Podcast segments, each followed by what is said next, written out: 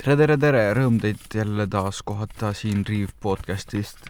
varajane hommik, esimene kord, ma arvan, kui ma seda podcasti lindistan hommikul.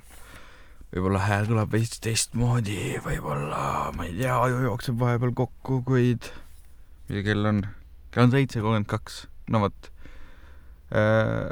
ja no ma olen neli tundi maganud ka mees, mees, kes õpetab, et peab palju magama ja siis magab neli tundi, aga tegelikult mul on kõik. ma tunnen oma kell, ma tunnen oma keha, ma tean, et kui ma neli tundi magan ja hommikupooliku töötan, siis ma võin teha lõunauinnaku ja õhtul edasi töötada. ma tunnen oma keha, ma tean, mida mul toob uni.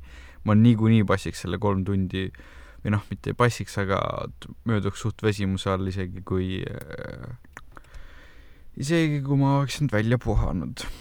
tavaliselt ma siis teen mingit äh, nii-öelda kerget tööd nagu öeldakse, shallow work äh,. eelmine osa me rääkisime raamatust Deep Work äh,. räägime ka seekord, seekord räägime veits, seal oli, see raamat ise küll seda nii palju ei puudutanud, ta rääkis rohkem nagu noh, kuidas teha, põhimõtteliselt see, et äh, mis asi on deep work, see on nii-öelda sügav töö, et äh, kui sa keskendud täielikult täielikult kõik, su pea on ainult sellel ühel teemal, siis sa saad kõik asjad palju kiiremini efektiivsemalt ära teha ja äh, ja kõik nii-öelda suured avastused ja on kirjutatud selle najal, et inimene on olnud nii-öelda deep work äh, faasis või nii-öelda seisundis.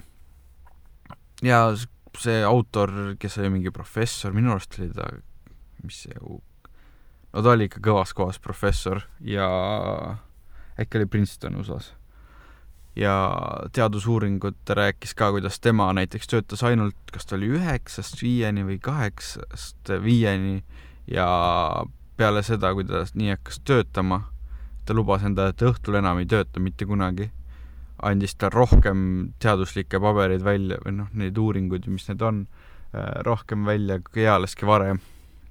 ja jõudis teha päevaga järjest rohkem ja samal ajal kui ta nagu läks nii-öelda deep work, eh, noh, arendas endast selle mõttelaadi täielikult välja, eh, jõudis teda kirjutada ka ühe raamatu, pluss veel ametiredelil tõusta kõrgemale, ehk ta sai, eesti keeles ma ei tea, kuidas täpsemalt on, võib-olla USA terminid on teistmoodi, aga ta oli tenure professor ehk eh, jah. aga tege-, mis see raamat veel rääkis, oli see, et põhimõtteliselt oligi, kuidas sa oma ajagraafiku nüüd paika paned niimoodi ja et sa planeerid iga minutini selle välja.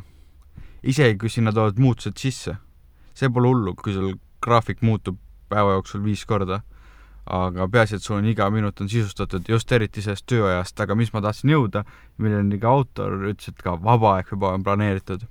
teaduslikult on tõestatud, inimesed on õnnelikumad, isegi kui nad on tööl kui siis, kui neil on vaba aeg, aga neil pole mitte midagi teha.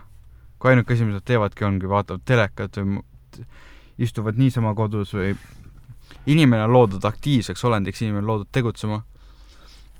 ja autor rääkis ka sellest, et inimesed, kes, et viidi uuring läbi, et inimesed, kellel oli vaba aeg nii-öelda planeeritud, et sõltumata nende karjäärist, haridusest äh, kõigest muust sellisest, siis need inimesed olid õnnelikumad, äh, puhanumad, kuigi võib tunduda, et mis mõttes, et kui sul on vaba aeg on ka planeeritud ja midagi pead tegema, et siis sa puhka välja, aga aga, ja ka sellel on oma näiteks äh, nii-öelda iroonia, et millest ka seal raamatus rääkis, et isegi kui sul nii-öelda noh, sa tahad nii-öelda laiselda või mitte midagi teha, siis planeeri see lihtsalt sisse planeeri, et sa nüüd poolteist tundi lihtsalt ole, sellest me oleme ka niisama rääkinud siin Riff podcastis või oli see blogis? Pod-, ma ei ole kindel.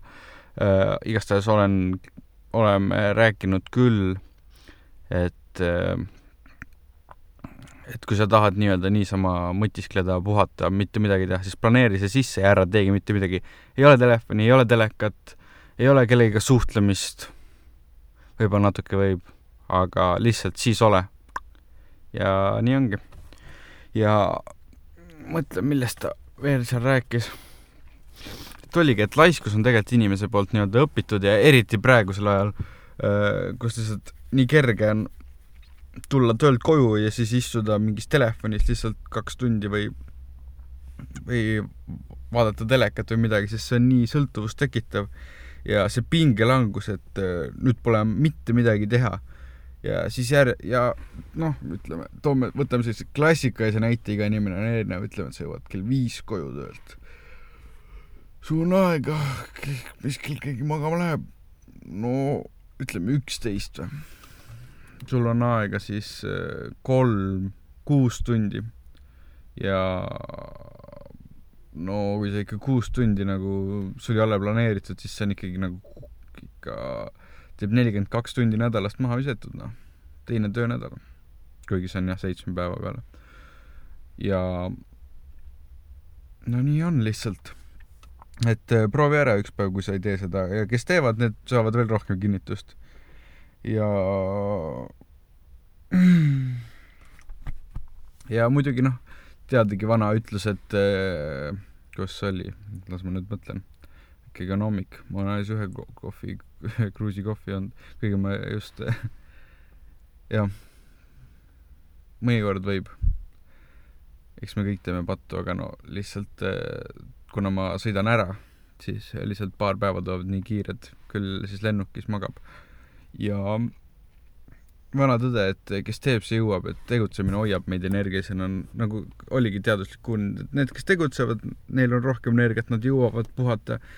Ise, ja isegi oligi see, et kui see graafik sul muutub nii-öelda, peaasi, et sul on planeeritud alguses, küll sa midagi saad ümber tõsta ja võib tunduda tüütu, aga tegelikult see lihtsalt hoiab sulle nii palju aega kokku, see teeb sind palju õnnelikumaks, energilisemaks, mis säästab sulle veel rohkem aega, mis kõige tähtsam, see emotsionaalselt on sulle väga tähtis.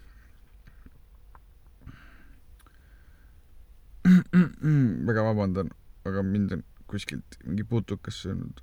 loodan, see puuk on. nii.